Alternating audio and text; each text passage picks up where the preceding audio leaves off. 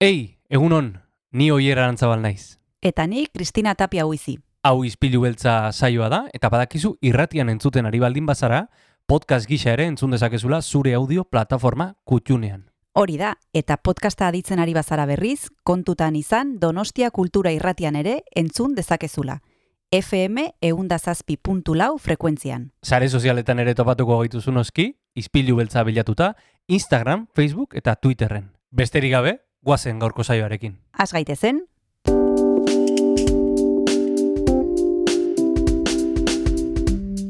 Ispilu beltza. Donostiako kulturaren berri, Oyer Arantzabal eta Kristina Tapia buizirekin. Egun honen zule uztailak amalau ditu gaur, osteguna da, eta bagatu zona, Donostia kultura irratira. Izpilu beltza aztera doa, eta horretarako elkartzen gara plaza honetan, Kristina Tapia Goizi eta biok. Egunon, Kristina. Hmm, egun on oier, gaur eduki mordoarekin hasiko dugu eguna, ustaiak amalau ditu, eta gonbidatu dugu Jon Insausti, oier, Arrapasa. kulturako eta euskarako zinegotzia da, da bera donostiako udalan, eta badakizue orain ekainean normalen egiten dira balantzeak eta bilerak ikusteko nola joan den ikasturtea, eta justu berarekin hori egingo dugu, ikusiko dugu nola izan den e, ikasturtea, eta ikusiko dugu ere nola izango den uda, ze uda oso potentea dator donostian, eta baita ere datorren ikasturteari begira ze aurre ikuspen dituzten. Galetu diozu ea gurekin gustora dagoen? Ez diot galdetu hori begira. galdetu? Me cago en la leche. Bueno, aizu, e, galdetuko diogu beste batean. E, gaur, Jon Insausti, kultura eta euskara zinegotzia, hemen, izpilu beltzean.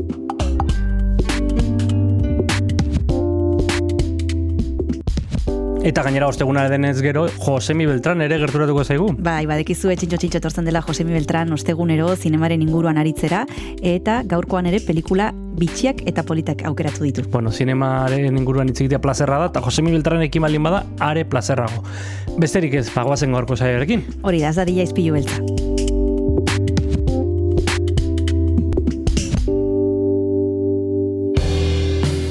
Garko saioarekin asteragoaz Iruñerriko Ibilbedi taldearen lorerik gabe kantu ederrarekin.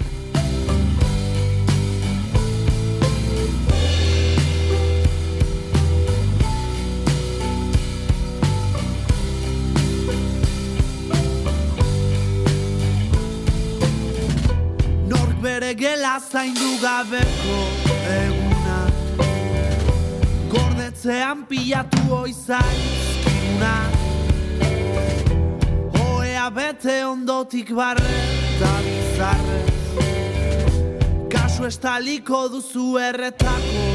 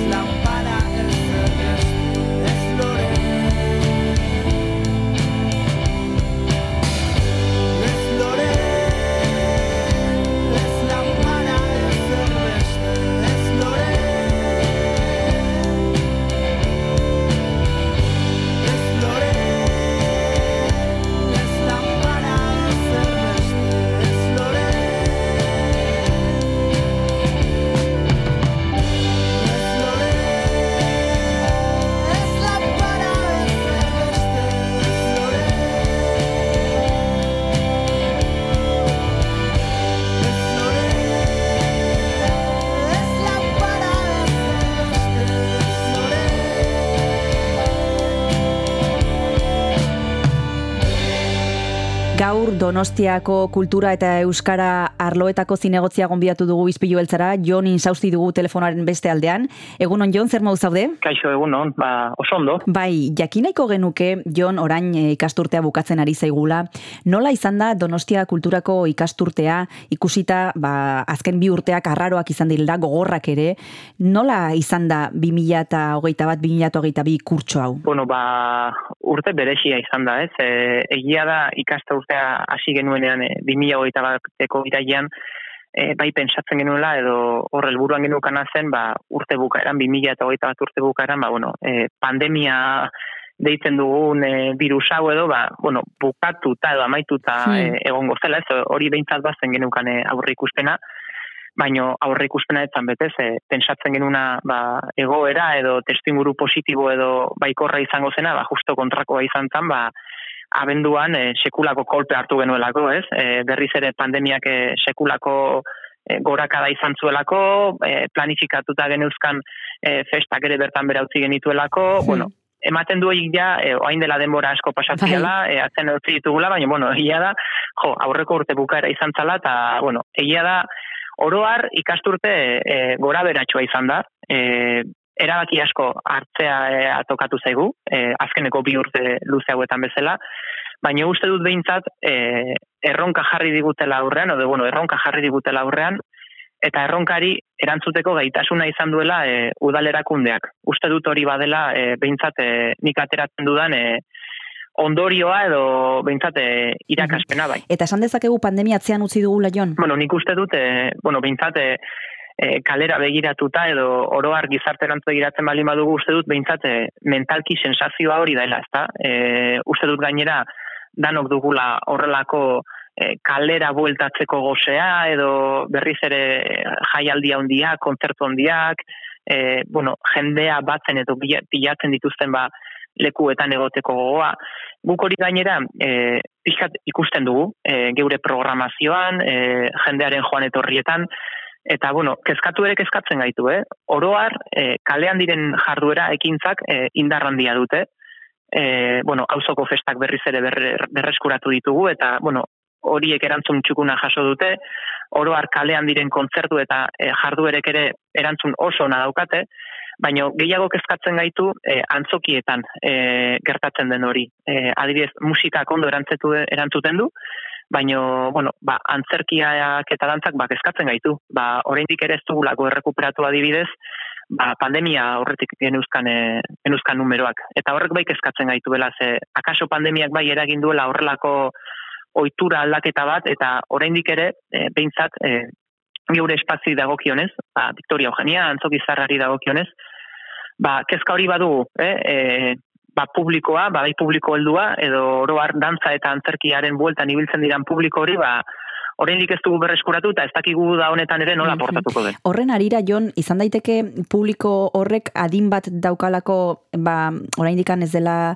e, gerturatzen antzokietara, hau da, e, musikako publikoak agian e, beste adin bat dauka, gazteagoak dira, eta antzerkita dantzakoak helduagoak eta helduak dira hain justu beldur gehiago daukatenak e, ba, areto itxietan e, egoteko. Bueno, hori guk eh, kezkasun, osea, kezka ba, bageneukan eta zenbakiak ere ba susmatzen genuen ez direla hain baikorrak.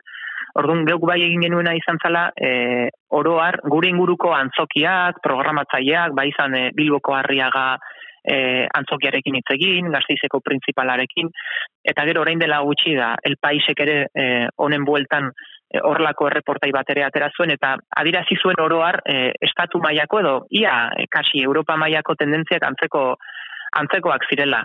E, eta hor bi faktore zeudela, e, bata aipatu duzuna zela, adina, e, adinak asko eragiten duela, e, edade batetikan gorakoek e, oraindik beldur hori edo sumatzen duten edo berreskuratzeko zaila den publikoa izango dela, eta hori hiri honetan e, bada publiko garrantzitsua, ba, guztio dakigu e, donostia, ba, bueno, adinez nagusia den iria dela, e, gainera, e, zera, ba, populazioaren e, portzentai handi bat batzen duela, eta adibidez, ba, e, amabostaldiaren publikoaren, ba, muina edo behintzat e, parte garrantzitsu bat hori dela, ez? Beraz, egia da, e, bueno, e, eldu edo behintzat elduek asko konsumitzen zuten horri, horri ba, ba, bueno, e, ez, oraindik ere ez dakigula zer erantzun izango denun da honetan, baino ez dela pandemia aurretik e, geneukan e, erantzun iguala izango, eta horrek eskatzen gaitu, eta bestalde, bai sumatu dugu, ba, bueno, ba, argi esan da, ba, komertziala den horrek oso ondo e, tiratzen duela, argi esan da, ba, ba musika askoz ere ba popularragoa, edo herriko jagoa horrela esateko, edo ba, komertzialagoa, baita antzerkian eta dantzan ere, baina oroar, e, badagoela horrelako tendentzia bat, komertziala den hori, ba, ondo konsumitzeko eta ondo saltzeko, eta kaso, ba, bueno, pixkat, e, ez ez esango prestige, baino batzutan zailagoa izan daitekena, edo, bueno, e, denbora eskatzen dizun horrek eta, ba, e, ba, bueno, ba, bai, e, hortan publikoak ba, bera egin duela, eta gero beste fenomeno bat badugu sarrera salmentarekin. E, aurretik e, jendeak ba, bueno, programazioa aurkezten genuenean ba, segituan hartu eta sarrerak eskuratzen zituen, akaso hilabetetako e, denbora hartuta, ez, planak Mm. egiten zituen, eta orain sarreran kopuru handi handi bat, ak- e, kasi kasi ba, aurreko bi e, aurreko bi egunetan e, saltzen ditugu edo egunean bertan ere. Orduan, bueno, planak ere eta kultura konsumitzeko edo erabiltzaiek ere ba, aldatu dituzte euren ohiturak. Honen inguruan jarraituko dugu jon hitz egiten, baino abesti bat eskatu behar dizut deskantsu bat hartzeko, eta jakinaiko genuke zer ari zaren entzuten azken aldi hontan, zer gustatzen zaizun, zer proposatu dezakezu entzulekin partekatzeko. Ba, beira, e, izan da, e, aste hontako e, aurkikuntza bat, e, geure zinegotzi e, taretan ere egoten da larun batetan ba, e, bikoteak ezkontzearen e, ardura Mm, edo, bueno, bai, e, zeregina ere izaten bai. dugu, eta bueno, nik gustoko izaten dut ba, bikotekin ba, e, ezkontza aurretik ba, hitz egitea, pixkate ostakizuna ba, prestatzea, eta bueno, jendeari beti eskatzen dizkiote pare bat abesti, ba, e, udal batzara sartzeko eta irtetzeko, eta, bueno, horre askotan deskubrimendu edo horkikuntza interesgarriak egiten ditut, eta e, honetan lagun bat e, ezkontzea tokatuko zait, eta honek, ba, Islandiako abeslari bat, e, bueno, ba, e, ba, bueno, erakutsi dit, Ah, bai. e, du izena, eta In the Silence e, abestia da, eta, bueno, e, letra politia dauka, eta, bueno, letrak esaten duena oro har da, ba, ba, egunak eskaintzen dizkion gauza guzti, ba, probetxu batera gartzaiela, orduan, bueno, ba, bi urte pasa ditugu nahiko patxal, ba, bueno, aber, hemendik aurrera, ba, bizitzari eta egunari ere, ba, gauza txikiei, ba, ba, gauza txiki horiek baloratzen ere ikasten deun, eta, bueno, horregatik, ba, abesti hau eh, hautatu dut. Primera, magoazen entzutera.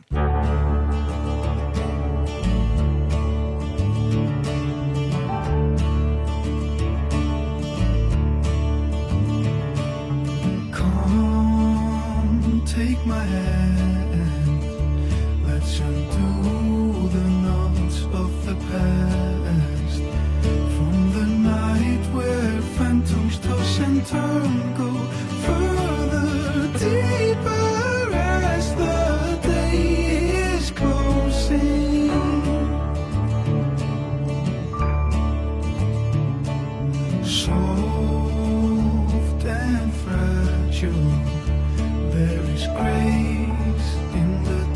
silence. As we dream, gentle hands are shaping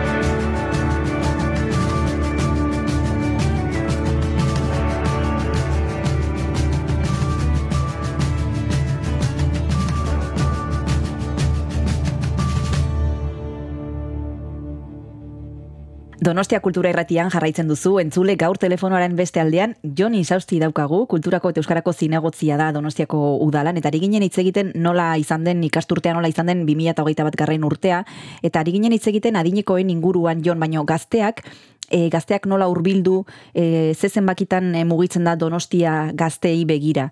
Asko dira, gehiago, gutxiago. Bueno, oroar nik uste eh, administrazioan, eh, erakunde guztiak, enpresa guztiak, bueno, oroar eh, helburu bezala eh, gazteak jartzen ditugula eh, Bai. publikoa Bai. eskuratu nahian, baino eh, beti izaten da ere eh, publiko zaiena eta bat ere fidela ez dena. Eh? Guztiok izaten dugu jomuga bezala, bueno, publikoa gaztetu egin behar dugu, gure espazioa gaztetu egin behar ditugu, baino inork ez du asmatzen horretan, ez? Eta uste dut hori ere badela bueno, donostia kulturak eh, duen erronka. Bueno, uste dut gure espazioak eta eskintza badugula, eh? eta Bai. nik beti azpimarratzen dut, ba, egian e, kulturretxa gaztezenak e, baduela horretarako potentzial handia, eta, bueno, bereziki antzerkian eta dantzan e, egiten duen eskaintzan, e, bueno, postekoa izaten da, ba, zein ondo saltzen dan, e, eta ze publiko ere e, gerturatzen den, eta oroar e, egia da, gainera zerk tiratzen duenez, eta asko eta asko izaten dira bertako sorkuntzak, e, bertako sortzaileak izaten dira,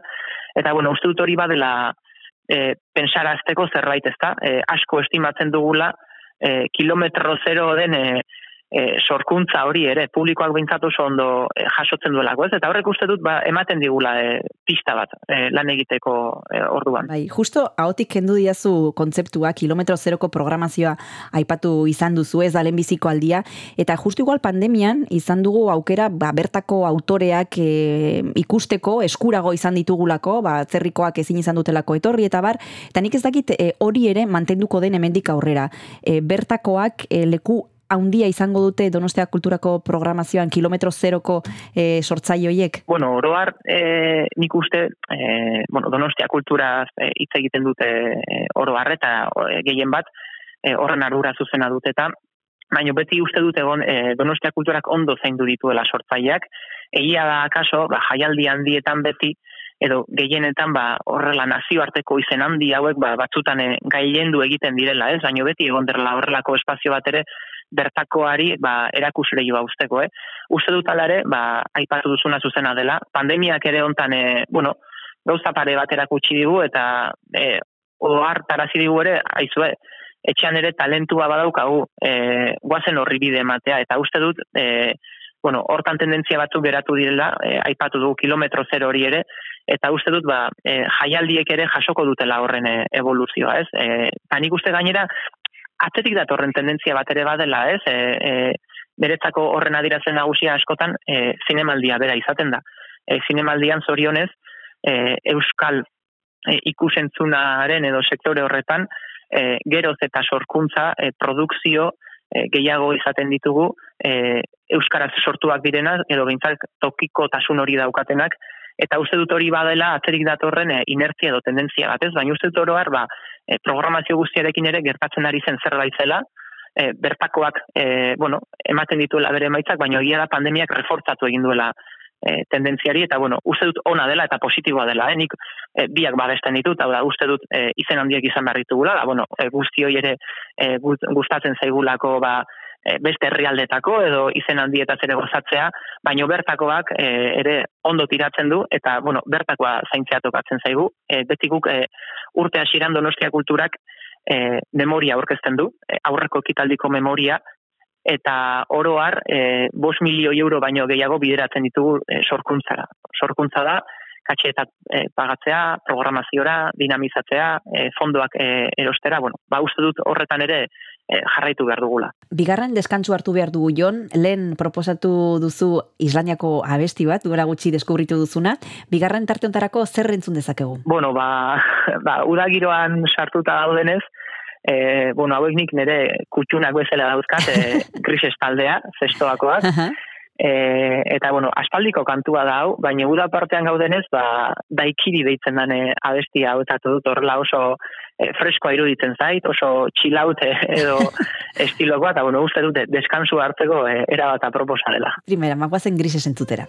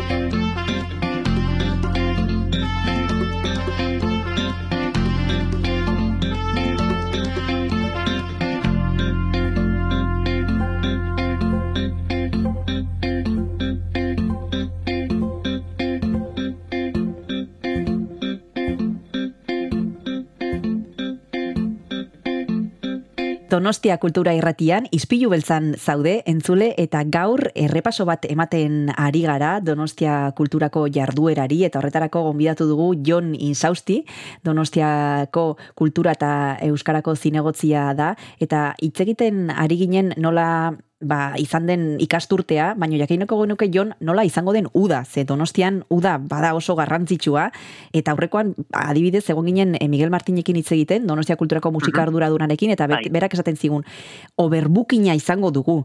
Ze hainbeste Bueno. gauza e, gelditu dira kanpoan bi urte hauetan, eta orain mundu guztiak nahi ditu gauzak programatu, eta gauza mordoa egongo dira udan.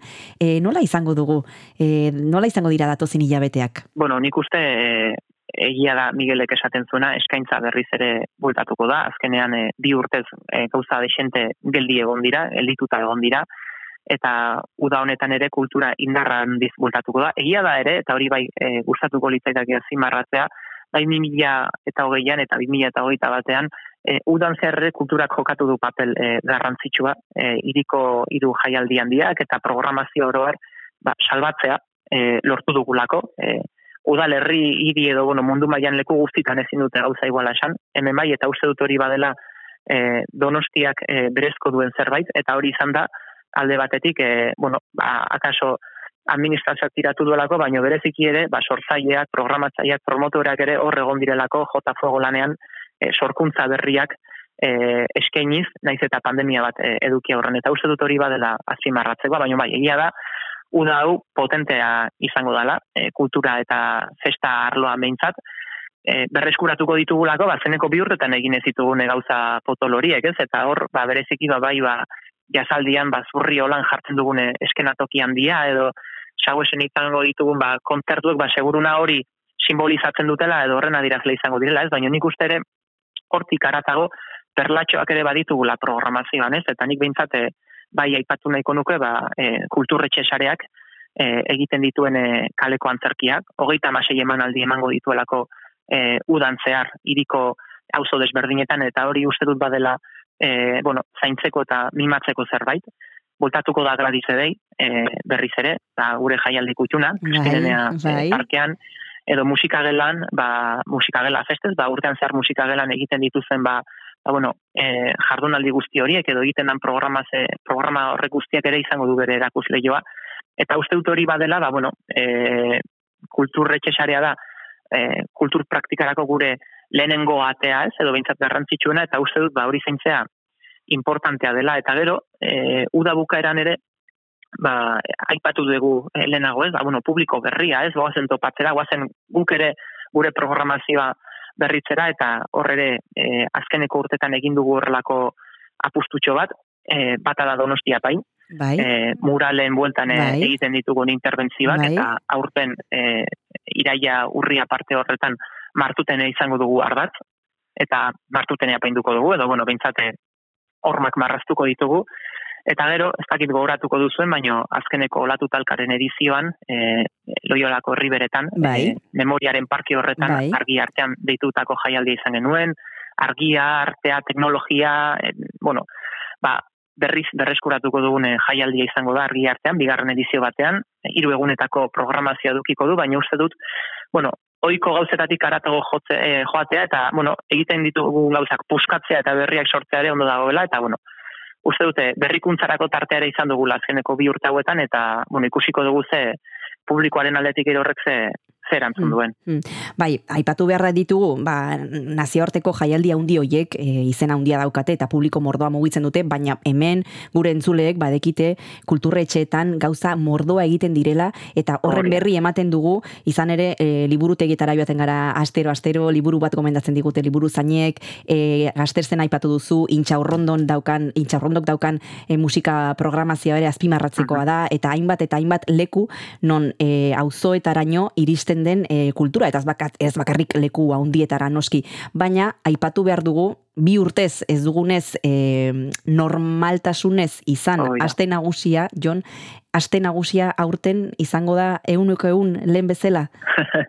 Bueno, izango da 2000 meretzien utzi geruen e, aste nagusia, eh? Mhm. Nik uste gainera eh, nahikoa dugula horrekin, eh? Uste dute aste nagusiak badukala e, tamaina majoa, Bai. eta ez dut uste behintzat e, aste nagusiak azkunderako e, joera bat izan behar duenik, eh? Uste dute egiten duguna txukuna dela, zuzena dela, eta hori da berreskuratzen duguna, ez? Aurreko astean e, aurkeztu genituen zeintzuk izango diren e, izango ditugun e, artistak, e, bueno, bestak beste horre aipatu genuen izaro, Andres, e, Peio Reparaz, Zetak, Gatibu, e, La Moda, Green Valley, bueno, izango dugu e, zestarako, bueno, ba, parada, ez, e, saueseko esplanada zabal horretan, baina, bueno, berreskuratuko ditugu, ba, donostian ere maitatuak diren, ba, su artifizial horiek, Mm. eta, bueno, oso kla klasikoak bihurtu diren, ba, txistularien alardea, Bai. harria, urrezko kopa, bueno, horiek guztiak ere, ba, izango ditugu, eta, bueno, hor bar nik uste dut behintzat, e, aste nagusiak, e, eskainiko duela iria, ba, bueno, ondo pasatzeko aukera, eta danok aurkituko dugula, ba, bueno, gustuko dugun zeo zer, ba, e, pikoteatzeko bada behintzat, ez? E, batzuk badira zaleagoak, beste batzuk ez, baina uste dut, e, aste nagusiek badaukala horrelako anistazun izaera bat, e, diversoa dena, aderatxa dena, eta, bueno, bakoitzak aurkituko du, ba, ba, jolasteko zeo zer, ez? Baina, bueno, neri e, hor, e, bada zerbait e, garrantzitsua horren atzean, e, aste nagusia prestatzerakoan edizio honetan, e, bueno, ba, ikusita zenbat bideratzen den alde batera, bestera eta bar, e, aurrekoan batuketak egiten, e, bueno, zenbatu genuen, e, milioia baino gehiago bideratzen dela aste nagusira. Horrek esan nahi du, en, Donostia kulturak festa atalaren bidez, e, zortzi egunetarako, e, milioia baino gehiago mobilizatzen duela, festa Hmm. giroa jartzeko irian, Hmm, eta hori da, azpiegitura, eskenatokiak dira, Mm, e, hori segurtasuna da, mm, hori e, teknikariak dira, hori artisten katxetak dira, bueno, gauza asko daude, ez? Mm. E, kultura eta festaren buelta horretan egoten Mm. direnak, kultura ere, festa ere badirena, e, bueno, jarduera ekonomikoare badena, aukera edo lan aukerak ere eskaintzen dituena, eta, bueno, uste dut hori ere, e, badela kontuan hartzeko zerbait. E, zenbat e, gauza mugitzen dituen aste nagusi batek, ez? E, bueno, ondo pasatzetik aratago ere, ba, atzean e, zenbat gauza dauden eta zenbat personek egiten duten lan beste batzuek e, ondo pasatzeko. Mm -hmm. Elitzaiake gustatuko bukatzea jon galdetu gabe Euskararen inguruan, ze hori bada ere zure ardura, eta gehien bat kulturaren inguruan aritu gara, ze hori da gure gaia, baino aipamen txiki bat eh, Donostiako e, euskararen egoeraren inguruan. Bai, bueno, justo orain dela gutxi gainera e, atera dira kalde neurketaren e, Bai, datuak. bai. Donostiak behintzat bai aurkezten duela horrelako ez dakit, egon kortze edo bueno, konstante izan dan e, joera batez, azkenean e, kale neurketa horiekin tendentziak ikusten dira, egia da pandemia garaian egin direla neurketak, baina bueno, behintzat datuek bai adierazten dutela horrelako konstantzia badagoela, ez? E, bueno, ikusiko dugu hemendik beste bost urtetara neurtzen dutenean zein zein datu e, ditugun. Baina, bueno, e, uste dut gure e, bertutea, edo, bueno, gure, bueno, gure bertutea, gure helburua izan behar duela, eta bin baino gehiagotan e, esan dutez, e, ikustea euskera ba, balio positiboan bezala. E, orain dela ez gutxi, e, donostiak udalbantzan, e, hizkuntza gutxituen e, taldetxo bat jaso genuen, e, Ego Ameriketatik, Erta Ameriketatik, Mhm. herrialde desberdinetako ordezkariak e, hartu genituen e, hemen donostian, eta horietako batek galdetzen zuen, ez? E, ¿Qué le dice a la gente eh, cuando le dice, oye, si el euskera no vale, ¿por qué tiene usted que, que aprender euskera?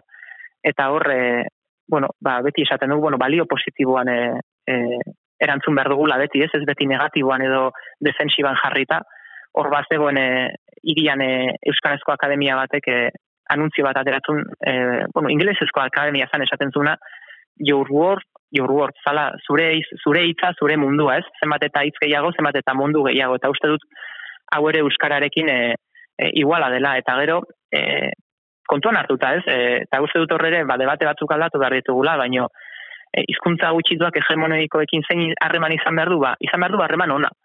E, jakina, ze hizkuntza hegemonikoak izaten dira askotan, e, hizkuntza gutxituek gure artean hitz egiteko eta komunikatzeko e, erabiltzen ditugun e, iz, zubi hizkuntzak. Orduan, e, bueno, ba, uste dut hori ere e, aldatu beharreko txipa edo debate ere badela. Baina, bueno, horrek ere luzerako, luzerako eman dezaken de, Bai. debatea da, ez da bai da izan daiteke. Hori beste hori beste debaterako izango litzateke, orain ez daukagu denbora gehiago honen inguruan hitz egiteko. Eskerrik asko Joni Sausti izpilu beltzara hurbiltzeagatik, izugarrizko errepaso polita egin dugu, e, perspektiba onak eman dizkiguzu, uda polita izango dugu donostian eta ikasturte oso potente izango dugu donostian, hemen emango dugu horren guztiaren berri. Eskerrik asko hurbiltzeagatik esan bezala izpilu beltzara eta bezarka handi bat urrengora arte Jon. Bai, urrengo arte eta, bueno, uda ona izan dezazuela. Ondo segi. Berdin, agur.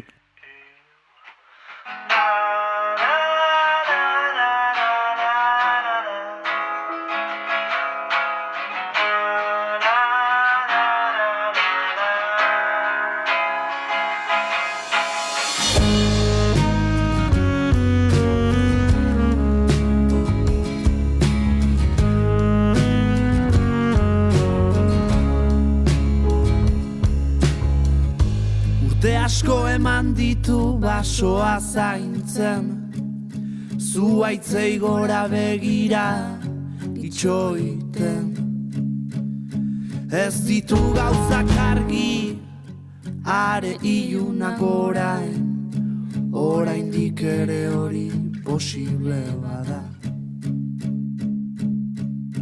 Anpatuak ditu zainak odolez, dolorez Oinak lurrean dituenak duen ziurtasunaren adorez. Eta gora egiten du alduen guztietan Baina ez du ezer ikusten. Empatia basoa mozten hasi da Eta zurekin amestu du gizonak zurekin, soilik zurekin, zurekin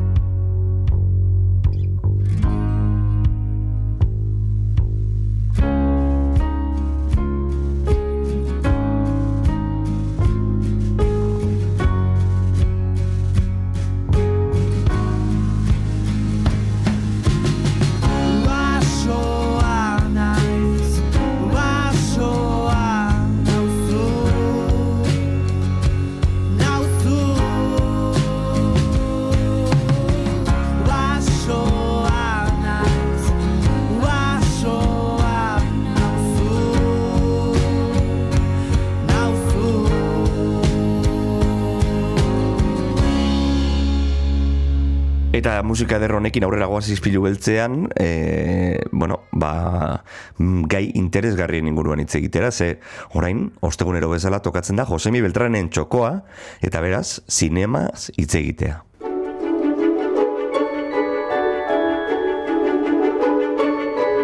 Azpitituloak, subtitulos, Josemi Beltranekin. Zinemaz hitz egitea, pelikula komendatzea, eta burutazio zenbait aipatzea, ez da, Josemi? Egunon? Bai, kaixo, egunon. Eta musikaz baita ere, e, berrio aste hontan. Eh? Pasan Bai, astean. azken aldian e, musika asko aipatzen dugu, eh? Bai, ez dakit zergatik, baina, bueno, uda, uda eta musika, beti daukate harremana. Udako abestia, ez dakitea, udako abestiaren eh, kontu hori, ez dakit orain eh, eramaten den, ez? Lehen, gehi, lehen modan zegoen hori. Bai, gainera, bueno, ez dakit, hainbeste, hainbeste aukerekin, ez da, e, de, dena dago asko kabanatutakoagoa, eta, Bai, eta bai, zaila bai. da, ba, hori abesti bakarra egotea. Bai, alaxe da. Tira, e, guazen agian abesti batekin delatatzera zerren inguruan behar dugu. Bueno, ba, e, lehenengo, lehenengo segunduetan edo e, laster jakingo dugu. E, eta, bueno, ba, bat aukeratzeagatik, ba, adibidez King Creole, King Creole e, roka aurkeztuko dugu. Entzun dezagun.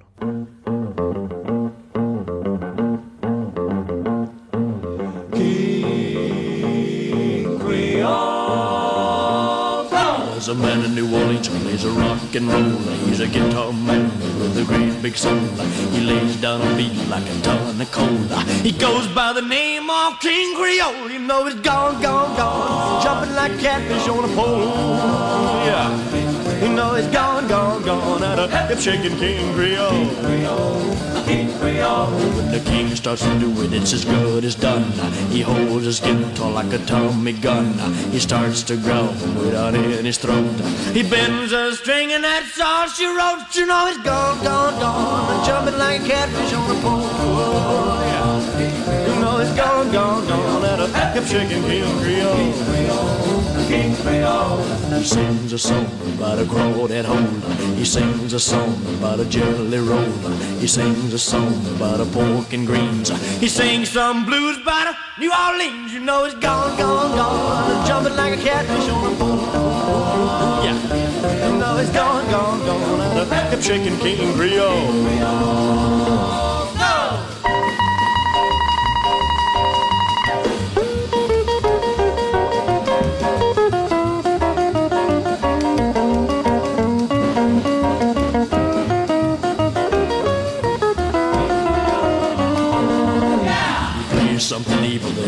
Plays something sweet. No matter how he plays, you gotta get up on your feet. When he gets a rockin' fever, baby, heaven sinks. He don't stop playing till his guitar breaks. You know he's gone, gone, gone, jumping like a catfish on a pole. Yeah, you know he's gone, gone, gone at a hip shaking King Creole. Yeah, no, you know he's gone, gone, gone,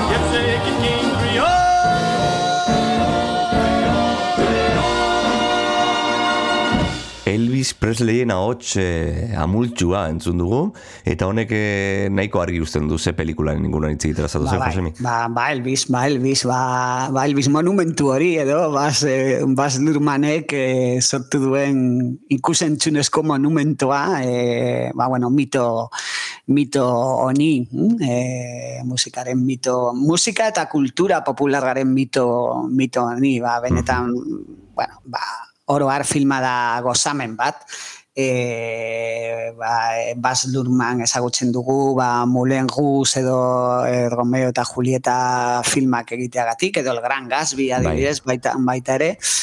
E, eta kasu honetan, ba, bueno, ba, benetako bizitza aukeratu du, baina ematen dio e, ba, bueno, nola esan, ezaugarri aia mitikoa, eh? hau, hau bai da superheroi bat, eh? musikaren superheroia. Eta fantasiaz eta kolorez beteta dago dago filma. Naiz eta adibidez eh, eh, bueno, oso argi guztiok ezagutzen dugu Elvisen dekadentzia nolakoa izan zen, baita ere dekadentzia fisiko, ba, fisiko bat, ezta? E, baina Baz Luhrmannek zuzendariak hor- hori, bueno, ez du kontatzen du, baina ez du irudikatzen hainbeste. Beti e, Elvisen daukan, e, ba, bueno, e, irudia edo aspektua ba, antzekoa da eta inoiz ez du galtzen ba e, ezaugarri edo mitiko mitiko hori filmean. Eh? Benetan, bueno, ba, miresten du Elvis e, zuzendariak eta ba, filmaren aitzaki bat da e, ba, batez ere saletasun hori eta eta Elvisek zuen eragina e, zaleen gan e, Bai. emozioa, bai, emozioa sortzeko e, bere bizitzak e, aldatzeko eta eta bueno, da badaukain abardurak eta tragediak eta aspektu latxak ere han badaude, baina baina azken finean, bueno, gelditzen dena da ba, ba, musika, musika kolorea, ritmoa eta eta Elvisen garrantzi garrantzi hori, bai. Mhm. Tira, entzun dezagun pelikularen trailerra eta segituan gaudu bueltan. There are some who'd make me out to be the villain of this here story. Let's don't let a good thing die.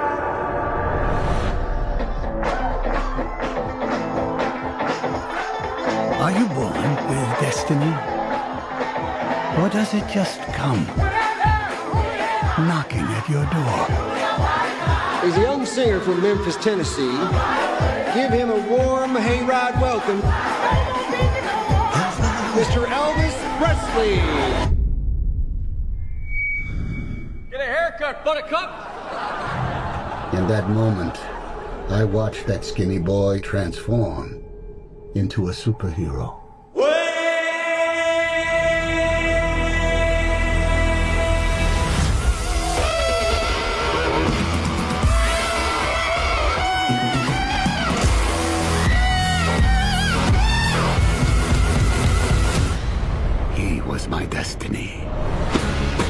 Baz Lurmanen Elvis be, filmazari gara hitz egiten eta tira, ez da erronka makala horrelako personaje baten inguruko pelikula bat egitea jendea zertu gabe, ez da? Mm, bai, e, bueno, aukeratu du aukeratu du Lurmanek e, ba, oposizioa e, Elvis eta bere managergaren artean, eh? Bai. E, Parker Coronel, Coronel ospetsua, no? Beti kontatzen da, eta egia da, no? E, ba, probetxu handia e, ateraziola e, managerrak Elvisi, baina baita ere laguntza eman zion, eh? eta eta filmak interpretazio hori egiteko ba irekita dago. hm? E, Tom Hanks da de Parker Coronela eta berak egiten du narrazioa. Iaia nik gogoratu nun e, nengoen ikusten nengoenean e, Ciudadano Kane bezalako filman. E, ba, nahi narrazio bat, e, bueno, pizkat mitikoa, pertsonai mitiko baten inguruan, eta edo edo el crepúsculo de los dioses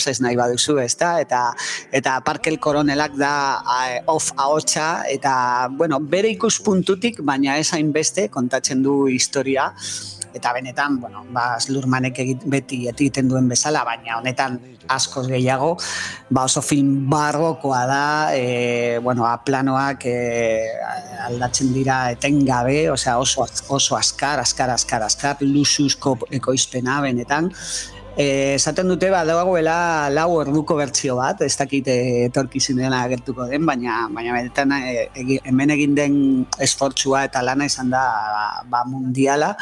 E, eta badaude, bueno, ba etenaldiak egiteko badagoela tartea baita eta momentu unkigarriak ateratzeko. E, bueno, ni bereziki aipatuko nuke adibidez Elbi zen, ba, bueno, e, ez dakit nola esan, bal, berriro ospea lortu zuenean e, telebistako e, gabonetako espezial baten, ospetsu batekin, bai. e, eta nola, nola filmak nola saltzen duen hori, e, benetan, e, bueno, ba, e, tensioa sortzen e, zeren e, parkel koronelak naizun, ba, oiko gabonetako ba, programa berezi bat, e, gabonetako jetxeekin eta Santa Claus eta horrelakoak, baina e, bueno, errealizazio taldeak erabekizun ba, beste era bateko espeziala egitea eta eta gargantzia eman ba, abestiei eta eta Elvisen talentuari eta Horgela Elvis berriro ba, berpiztu zen, bere ospea berpiztu zen, eta, eta berriro agertu zen, ba, bueno, e, zen bezala, ba, bueno, ba, batez ere musikari musikari gargantzitsu bat. Mm, e, ez da, eta, bueno, benetan naiz eta Elvis ondo ez ezagutu, nik uste du, ba, bueno, ba, e, musika txat eta sinema saleen txat, ba, opari bat dela film, film hau pantailan dian ikustea. Bueno, ba, horra Elvis e, gaurko lehenengo gomendioa beste bat daukagu, baina gomendio hori baino lehen eskatuko zut Elvisen beste abesti bat, Elvisena. Bueno, ba, adibidez, e, indegeto e, jarri dezakegu. Perfecto, entzun dezagun, eta segidan gara bueltan beste film bat aipatzeko.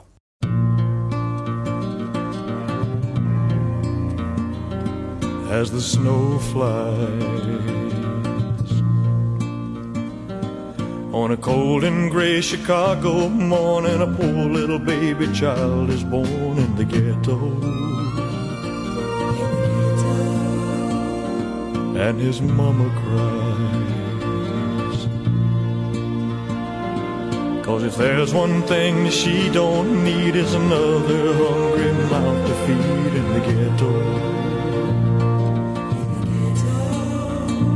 People, don't you understand? Your child needs a helping hand. He'll grow to be an angry young man someday. I take a look at you and me. Are we too blind to see? Do we simply turn our heads and look the other way? Well, the world turns. And a hungry little boy with a runny nose plays in the street as the cold wind blows in the ghetto. And his hunger burns. So he starts to roam the streets at night and he learns how to steal and he learns how to fight in the ghetto. Then one night in desperation, the young man breaks away. He buys a gun, he steals a car, tries to run, but he don't get far, and his mama cries. Crowd gathers round, an angry young man face down in the street with a gun in his hand in the ghetto. And as her young man dies, on a cold and gray Chicago morning, another little baby child is born in the ghetto. And his mama cries.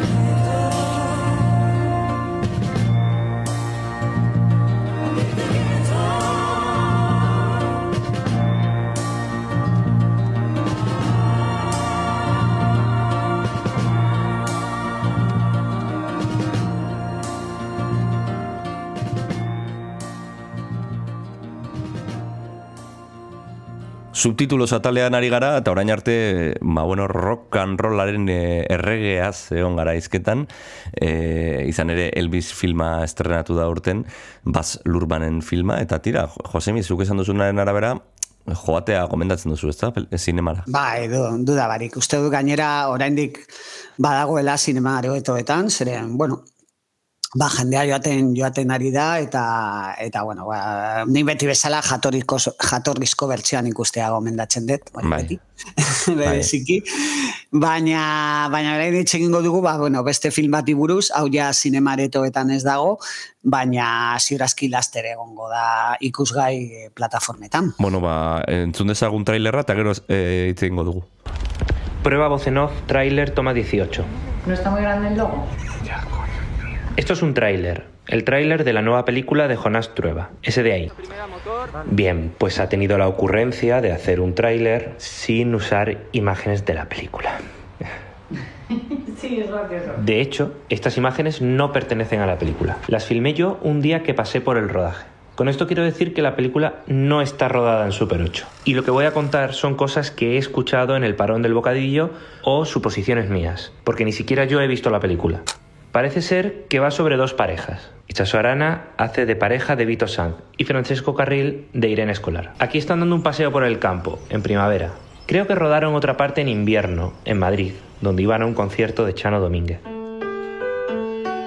Si no me equivoco, estos dos, Irene y Francesco, se han ido a vivir a las afueras, a una casa con jardín, esta casa.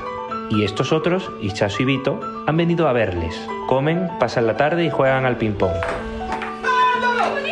Les escuché hablar de un libro durante un buen rato. Has de cambiar tu vida. Sí, pones el título del libro. No sé si al final lo habrán montado. Es un tocho importante. Y me aseguran que no pasa mucho más. Pero que eso es lo bueno. Hay música, personajes, paseos, comida, un viaje, libros, ping-pong. Y encima va a ser corta. Muy corta. ¿Qué más queréis? Tenéis que venir a verla. O sea, ese es el título. Tenéis que venir a verla. Es el título de la película porque lo importante es que vengáis a verla al cine. Y yo también, ¿eh? Si os estoy diciendo esto es porque la película, que seguro que está guay, la peli. Entzun duguna, tenéis que venir a verla, izeneko filmaren e, trailerra da, Jonastrobaren filma, eta jakin nahi dugu zergatik ekarri duzu. Bueno, ba, beste, beste sinema eredu bat, eh, eredu bati buruz hitz egiteko. Eh? Elvisen barrokismotik eh, Jonastrobaren eh, minimalismora esan dezakegu. Bai. Eh, bueno, ja Jonas Trueba ezagutzen dugu, los, Ulise, los il- ilusos, barkatu, la Bai. Virgen de Agosto, edo quien lo impide bezalako filmak egiteko.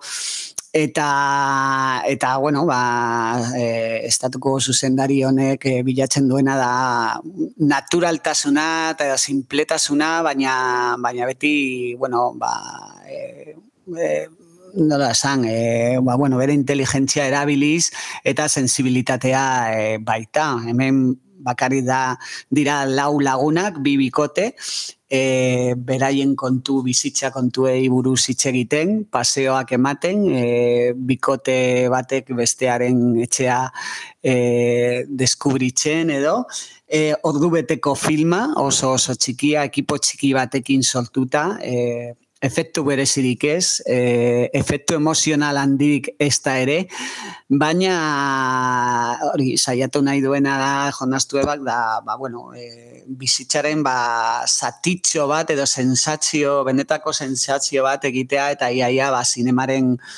ba, bueno, magia edo artifizioa e, desagertaraztea. Mm? E, e, niretzat, ba, bueno, beste, beste motatako plazerga da, beste motatako gozamena, baina baita ere sinema, e, eta, bueno, aparagailu handirik gabe eta teknika handirik gabe, justu Elvisen kontrakoa, kontrakoa, baina justu kontrakoa, ba, ba, ba, hau bai da, baita, bada zinema, no? Eta, eta hori da, bueno, ba, nik berezik, eh, ba, bueno, aste honetan aipatu, aipatu nahi. Bueno, horra bigarren gomendioa gaurkoa, eta, eta tira, agian e, gomendio honi lotutako abesti bat agurtzeko? Bai, gainera, bueno, Jonas Trueba oso musika, musika salea da baita, Bai. eh, Fernando Trueba bezala, badakizue, eta, bueno, ba, bereziki, adibidez aurreko filmetan, e, ba, Rafa Berrio izan da oso Bai. garrantzitsua da, baita ere bere soinu bandetan, Eta kasu honetan, e, film honetan e, erabiltzen du ba, berriro e, jazz, jazz pieza batzuk, eta adibidez ba, ba Txano Dominguez musikaria gertzen da e, e, filmaren hasieran. Iaia mm, ba, besti oso bat e, eskainiz e, filmaren barruan, e, kontzertu batean daude pertsonaiak eta eta Txano Dominguez e, entzuten dute eta bueno, ba, beraiek bezala ba gu ere Txano Dominguez en, e, entzunez e, agur esan dezakegu. Primeran, ba, entzun dezagun Txano Dominguez, eta agur Josemi, urrengo aste arte. Ba, datorren aste arte, bai. Agur, agur.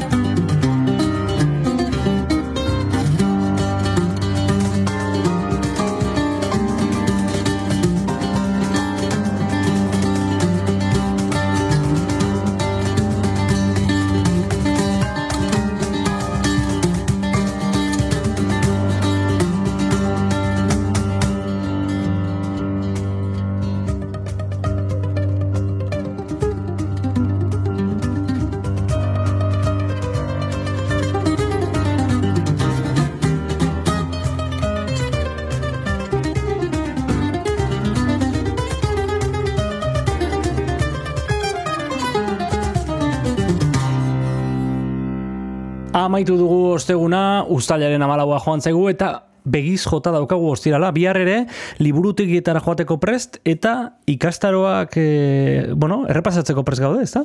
Bai, badekizu ostiraletan liburutegietara hurbiltzen garela, eta bihar Miguel Arina etorriko zaigu Menendez Salmonen hor da liburuaren inguruan aritzeko, eta gainera, Eugenio Rubio gonbidatu dugu izpilu beltzara, ze berak eh, koordinatzen ditu musika gela, eh, hainbat eh, ikastaro, eta proiektu honen inguruan eh, itzeingo dugu Eugenio Rubiorekin. Bueno, bihar liburua bezapean eta ikastaro eder batekin amaituko dugu astea, baina hori bihar izango da, Donostia Kultura Erratian, FM 107.4 frekuentzian, eta audio plataformetan, goizero goizero konektatu dezakezu gurekin, astelenetik ostialera. Eta beti bezala, e, gomendatzen dizugu arpidetzeko, eta lagun artean zabaltzeko, oso lagungarri zigulako. Hori da, gu bihar itzuliko gara, aio. Agur, agur.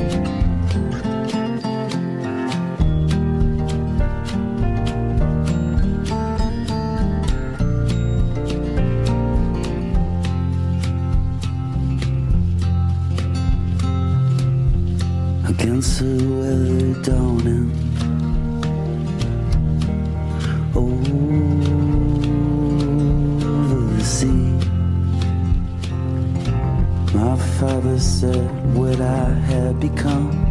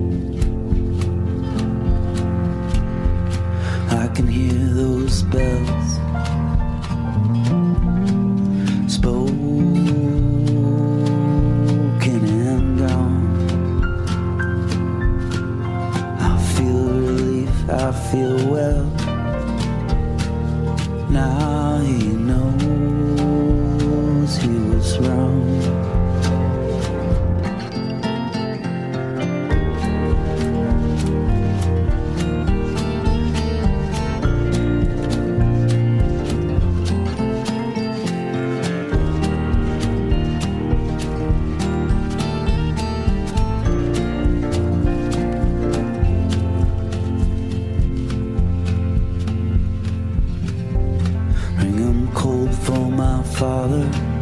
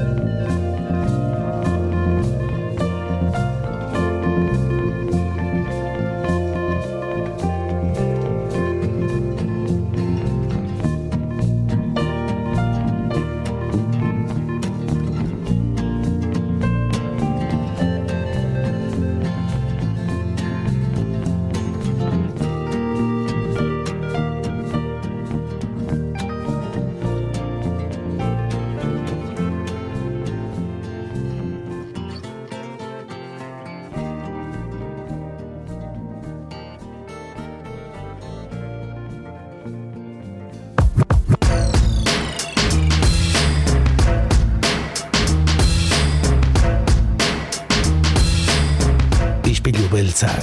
Donostiako kultur paisaiaren isla da Donostia Kultura Irratian eta zure audio plataforman Spotify, Apple Podcast, Google Podcast eta irratia.donostiakultura.eus webgunean.